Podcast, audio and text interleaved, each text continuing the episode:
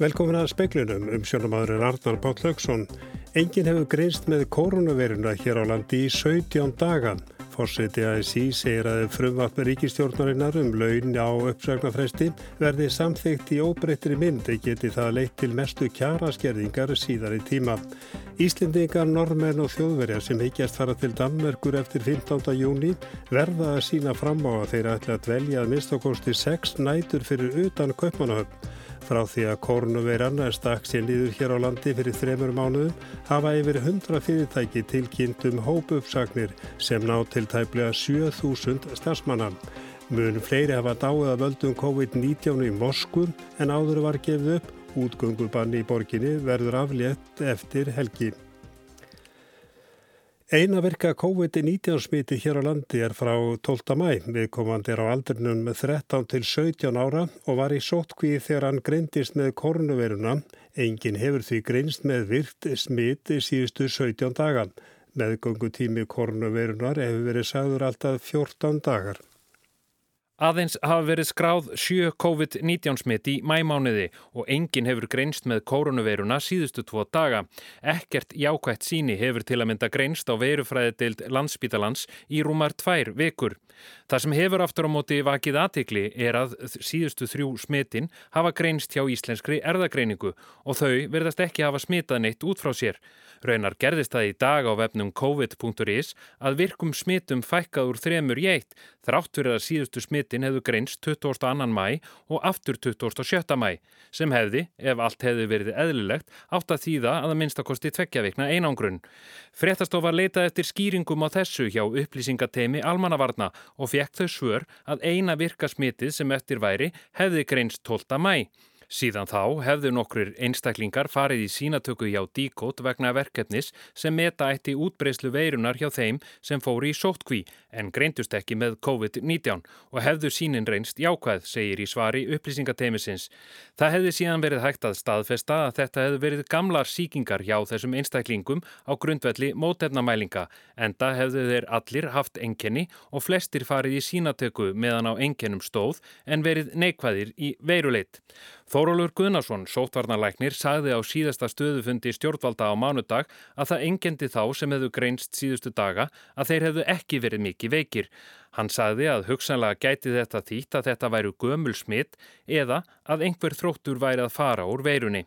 Tíminn er það leiða það í ljós. Freyr Gíja Gunnarsson saði frám.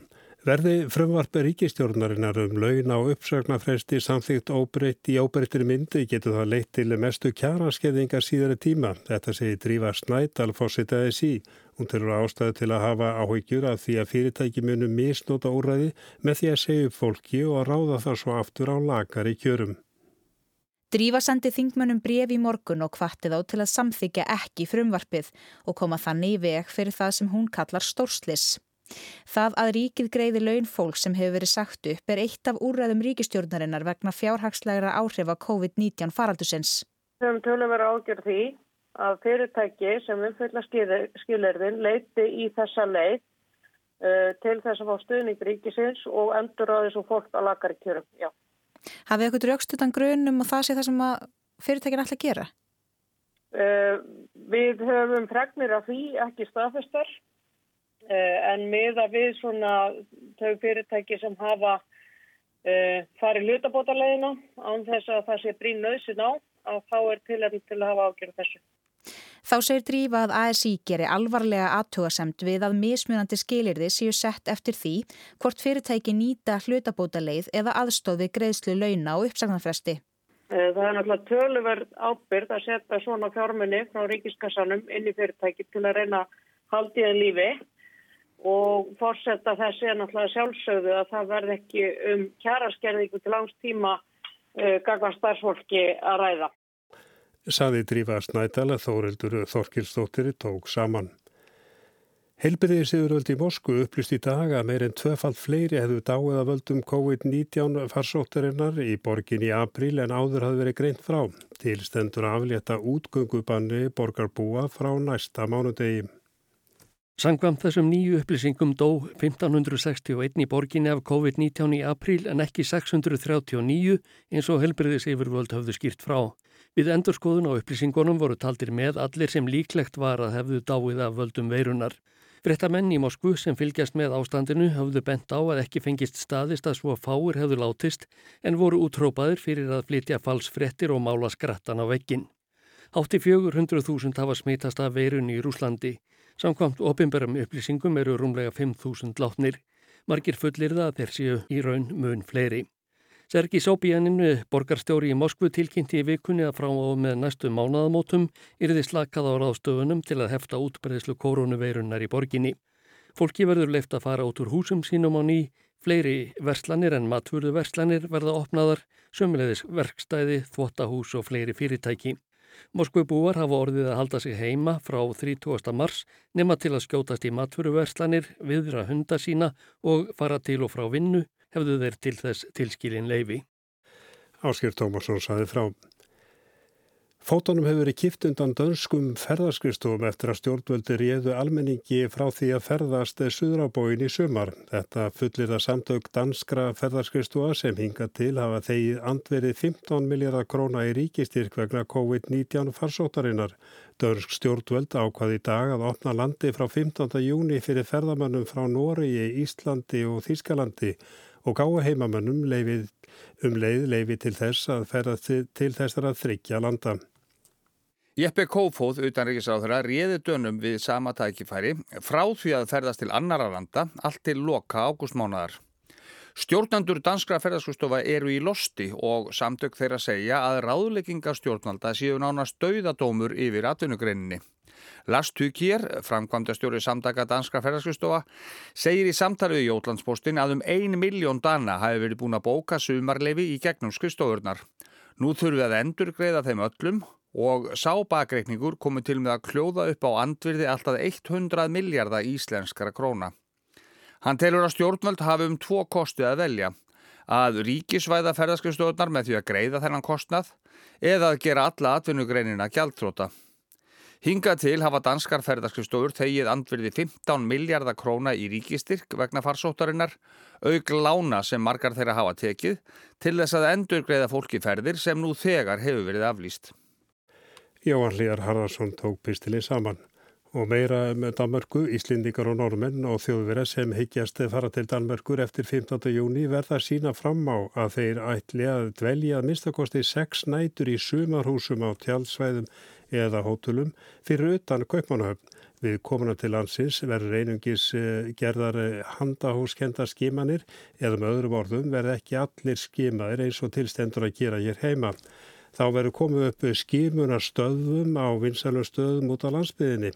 Jóhannes Þór Skúlason, framkvæmdastjóri samtaka ferðarþjónustunar, segir að mismöndi kröfur um skimun geti þýtti samkemnisvandamál hér heima það sem við sjáum hjá öðrum Európufjóðum núna mm.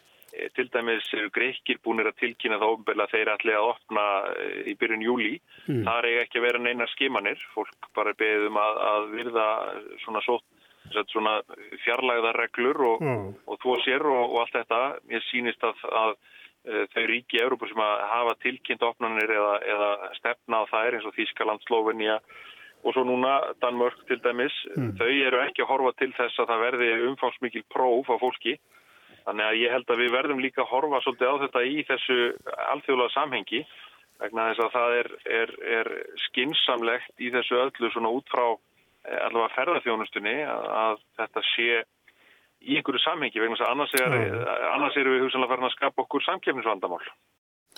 Þetta var Jónis Þór Skúlason og það er rétt að taka fram, fram áður lengar haldið að það er, eða við höfum frett að því að það sé mjög þung umferð út úr bænum og við höfum frett að því að umferðin sé mjög þung á Vesturlandsvegi, fólk vantilega að fara í sóluna fyrir norðan.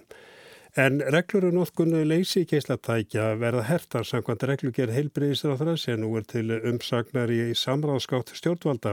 Ábendingar um óábyrga notkun öflugra keisla í feguraskinni er megin ástæða þess að ákveði var að endur skoða núgildandi reglugjörð. Lagt er til að nótkun öflura geysla í fægrunarskynni skuli vera á ábyrð læknis með viðandi sérmöndun og að hann starfi þar sem nótkunin fari fram. Þá er lagt til að auknar kröfur verði gerðar um þjálfun þeirra sem noti slík tæki. Geislavörnum ríkisins og embætti landlæknis hafa ítreka borist ábendingar um að við færunar aðgerðir hafi verið beitt upplugum leysigeislatækjum til að meðhöndla húðbreytingar sem jafnvel geta tengsl sortuæksli í húð að því er segir í tilkynningu og vef stjórnaráðsins. Þetta hafi verið gert án að komu læknis með viðegandi sérmöndun. Slíkt geti senkað greiningu sortuækslis og haft mjög alvarlegar afleiðingar. Þá hafa borist kvartanir vegna alvarlegs húðbruna af völdum upplugra leysigeisla sem hefur verið beitt til að fjarlæga húðflúr. Dagni Hulda Erlestóttir saði frá.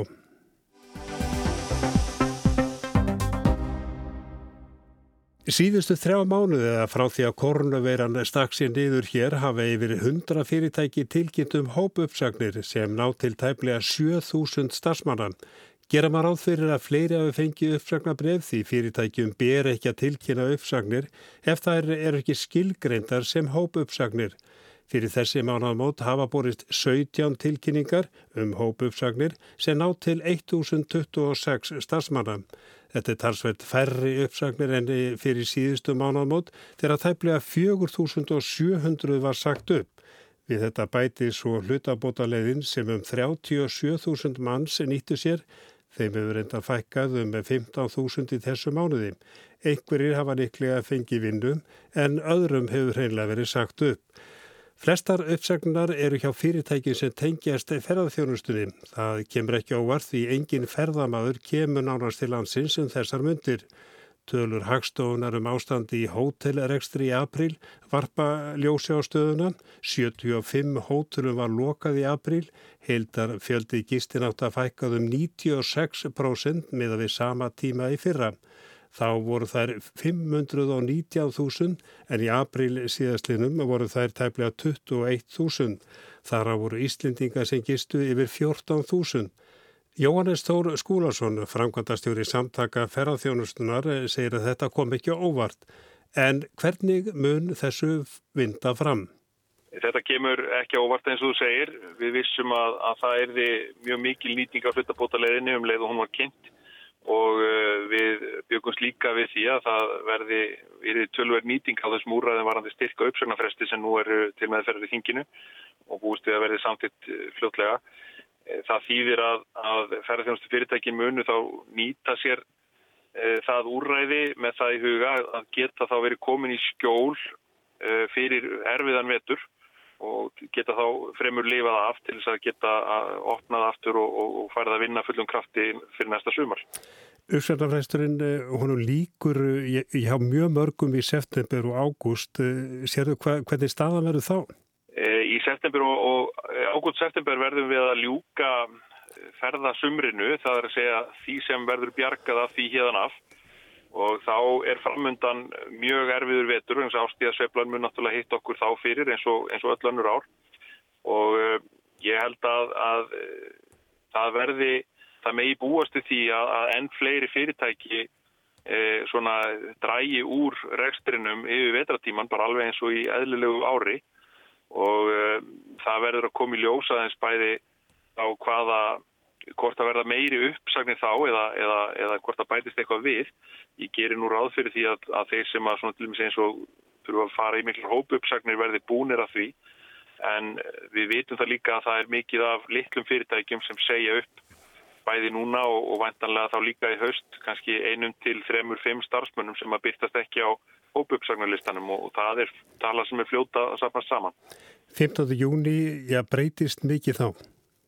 Við vitum það ekki alveg ennþá. Við vitum að það verða einhverja breytingar. Það verða möguleikar á því að koma til landsins. Við býðum núna eftir útfærslunum uh, og það er fjöldi fyrirtækja erlendis sem að selur ferði til Íslands og innlendra fyrirtækja sem að býða eftir því að geta sagt sínum kunnum, sínum ferðamönnum sem vilja koma til Íslands og hafa áhuga að hafa hér ferðir og, og fleira eh, hvort að þeir geti komið og hvaða skilir þeir þá til þess vegna þess að fólk býður núna í rauninni eftir því að vita hvort að það þarf að afboka ferðina eða getur staði við hana og, og öll töf og óvisa í því er, er mjög erfið en eins og stendur vitum við í rauninni bara það að hlutirnir munu breytast eftir 15. júni en ekki nákvæmlega hvernig.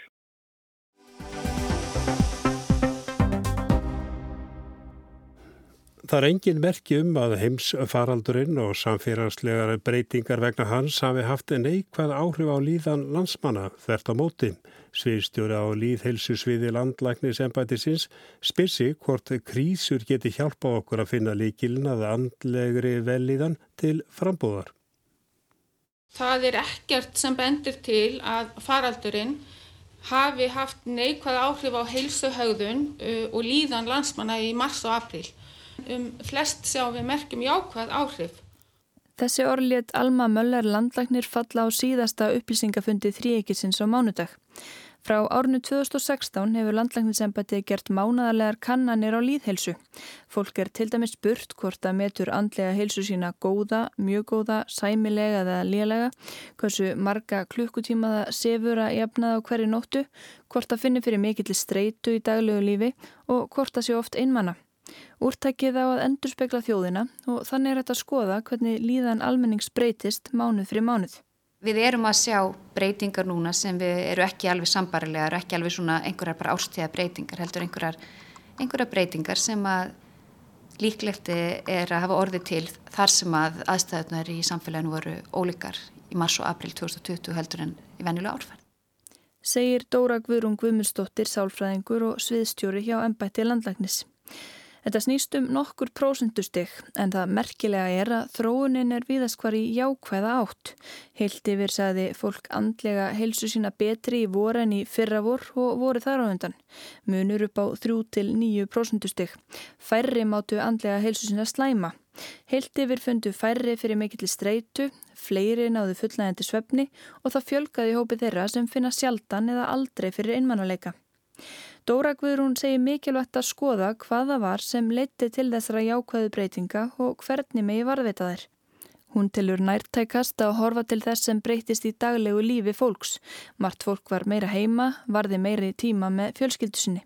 Það er mjög eftirsóknarvert að reyna að finna leið þar sem við getum kannski hægt svolítið á hraðanum í samfélaginu. Þannig við þurfum ekki að vera á eins mörgum stöðum og kannski skoða möguleikuna því hvort það sé hægt að eh, einhverjum tilfellum vinna heima einhver, eitthvað meira veist, þannig að það kom ekki neikvað, já hafi ekki neikvað áhrif hvorki á vinnunan í e, fjölskylduna. En bara í raun að skoða þetta hvað er hægt að gera til þess að styðja fjölskyldur í því að vera meira saman uh, styðja hvora, vera til staðar fyrir hvort, hvort annað. Og hérna en samt sem áður hafa vinnu og eiga ísu á þannig að fólk lendi ekki fjárhásarfæleikum. Í samantækt ennbættisins um áhrif COVID á líðhelsu segir að þessi mikilvægt að halda í það að geta unnið heima. Á fundum ennbættisins með fulltrúum skóla hefur svo komið fram að margar breytingana sem gerða voru skólastarfi eins og hafa færri börn saman í hóp hafi haft góð áhrif á líðan nefnda og starfsfólks. Rannsóknir sína að félagsleg tengsl eru svo þáttur sem skiptir mestu máli fyrir líðan. Það kemur kannski ekki óvart að fólk hafi sofið meira á COVID-tímanum en þetta með innmannaleikan stangast á við þau skilabóð sem við hefum fengið og það sama gildir eiginlega um álægið.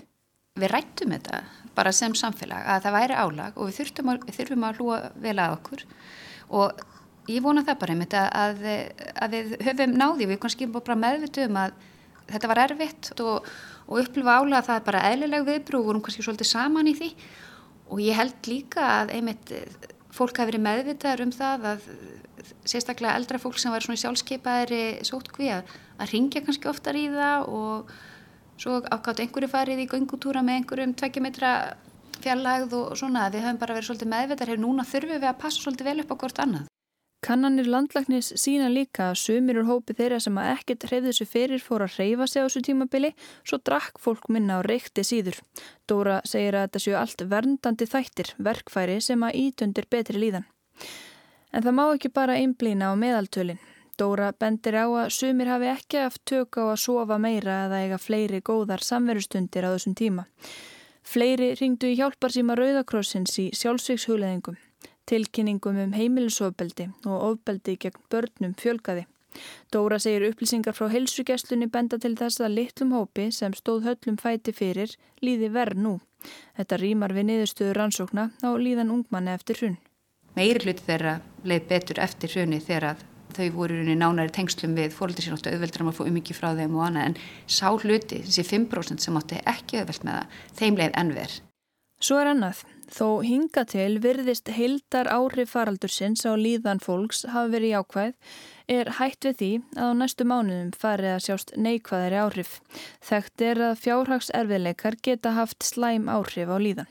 Margir hafa mist vinnuna og það er hérna, áhugju efni og þá er kannski ekki ennþá komið að því að, eh, að hafa ekki nóg í sig og á og ná gendum saman en það gæti verið eitthvað sem við horfum fram á ef að fólk nær ekki að fá vinnu á næstu mánu. Dóra hefur rannsakað áhrif efnahagsrunnsins á líðan fólks og niðurstaðan var svipu og nú. Fólki leið almennt betur um tíma. Það teiknaðist kannski upp ákveðið krísugraf. Er kannski ekki nóg að breyta samfélaginu? gera fólki kleift að vinna minna eða vera meira með sínum nánustu. Getur verið að krísu ástandi sjálft hafi haft góð áhrif á líðan, sett líf fólks í annað samhengi og fengið til að hlúa betur að sér og sínum. Dóra segir áhugavert að velta þið fyrir sér. Það sem vakti áhuga minn á hamingi og veljana rannsóknum í upphafi var að það fólk sem taldi sig hamingisamast var fólk sem hefði gengið í gegnum einhverja erfileika jafnveg frammi fyrir döðunum og, og í framhaldinu farið að endur með þetta hvað er það sem virkilega skiptir máli í lífinu. Og mér finnst svo áhugavert að skoða hvort það sé hægt að ná þessu þroska og tilgangi í lífinu án þessi rauninu kannski að standa frammi fyrir einhverju óg þannig að við sáum það með þetta að það sem er kannski tryggur er það að við fórum að sofa betur og draugum úr streitu fyrir að rækta samskipti við fjölskyldu og vini í gegnum Zoom og halda fundi og verið sambandi við fólk sem vorum kannski heldur ekkert búin að vera í sambandi við lengi getur við í rauninni virkja þessa þætti án þess að standa frammi fyrir einhverju ógn og getur við viðhaldið þeim. Það er rauninni áhugaverða spurningin því við sáum að, að eh, efnaðsþrengingarnar virtust hafa jákað áhrif, fólk var að vera meira saman og hlúði betur upp bötnunum sínum. Þetta virtist hafa fjara svolítið út, minni samverustundir, minni hamingja hjá ungmennum Svo finnum við aftur núna að eh, þetta ástand kveikir á þessum jákvæði þáttum og núna er þetta ástand búið þannig að stóra spurningin er getur við skapa þessar aðstæður í samfélaginu sem að láta okkur að líða betur og upplifa í rauninni sterkari tilgang með lífinu og já, bara njóta lífsins betur. Saði Dóra Guðrún Guðmustóttir, Arnildur Haldunadóttir talaði við hana.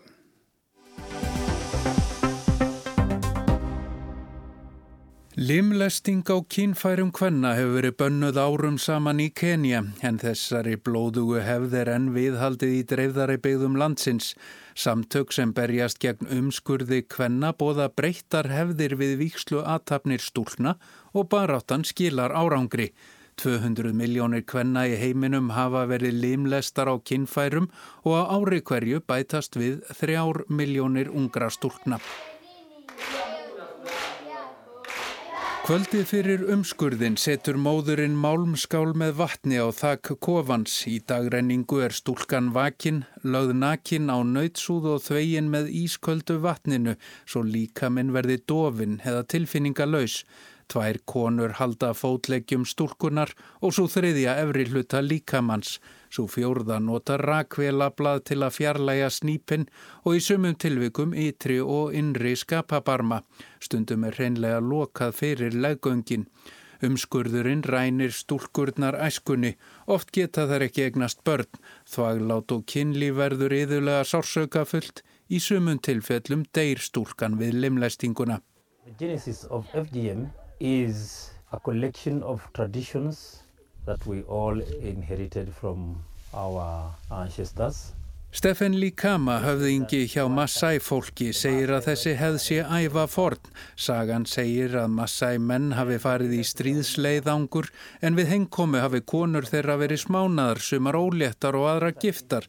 Þetta er aldrei að gerast aftur og því séu konur umskornar áður en haldiðir í leiðangur. Umskurður hefur verið bannaður í Kenya frá 2011 og refsingin er afar hörð, 2000 dollara sekt og að lámarki þryggja ára fangelsi. Limlesting á kinnfærum hvenna týðkast og enn víða, sérstaklega í einangruðum þorpum á landsbyðinni, fjarrri hefðbundnum yfirvöldum. Þorpshöfðingin á að framfylgja banninu en þar er hann á milli tveggja elda, laga og hefða samfélagsins.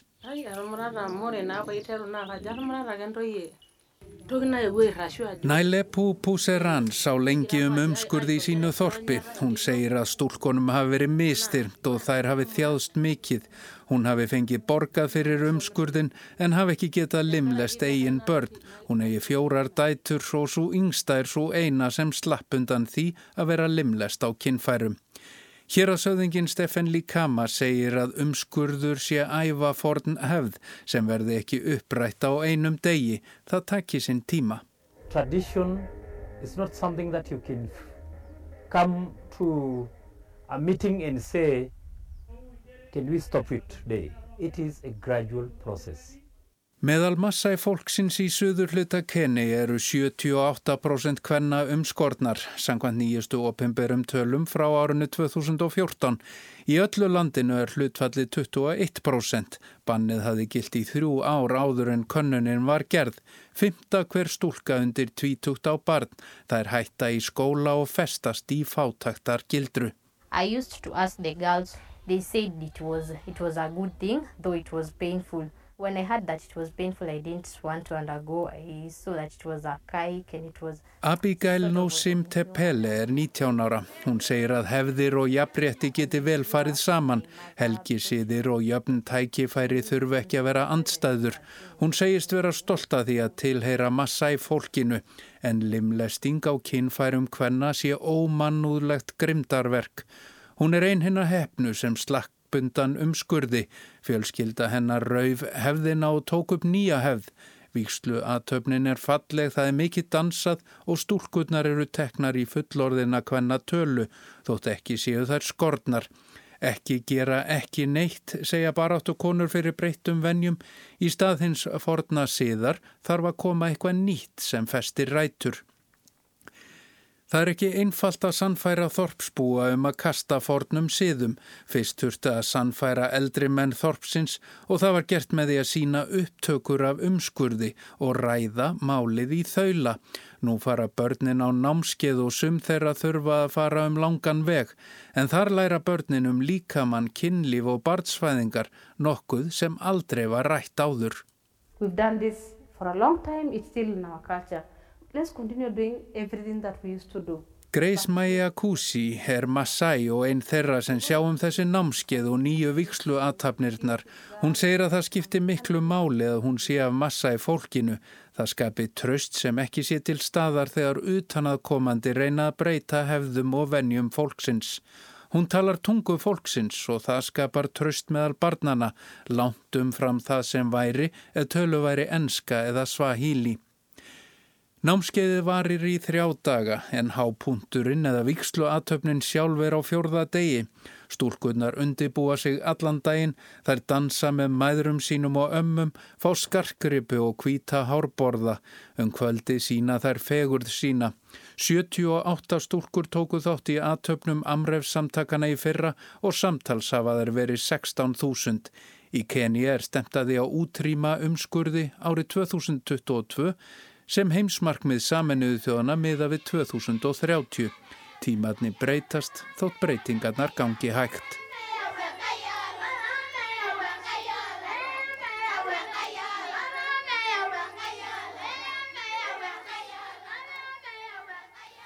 Og það var Pálmi Jónusson sem sagði frá og uh, við skulum líta á Veðri næsta sólarhengir söðulega 8-15 metrar á sekundu, rigning og súld með köplum sunnan á vestalands, híti 8-13 stig. Bjartviðrið um landið er norðu austanvert með hýta alltaf 20 stigum. Sunnan 5-10 á morgun og dálitlar skúrir en áfram bjart og hlíti norðu austan til. Og við sögum frá því í speiklunum að enginn hefur greinst með koronaviruna hér á landi í 17 daga. Fórsvitaði sí segir að frumvarp ríkistjórnarinnar um launa á uppsagnarfresti verði samþygt í óbreytri mynd getið að leitt til mestu kjaraskerðingar síðari tíma. Og Íslendinga, normin og þjóðverðar sem heikjast fara til Danmerkur eftir 15. júni þegar landi verður opnað þar verða sína fram á að þeir ætla að dvelja að minnstakosti sex nætur fyrir utan kaupmannahöfn. En það er ekki fleira í speklunum við kvöldi tæknimaður var Mark Eldred, verið sæl og góða kvítasunnu helgi.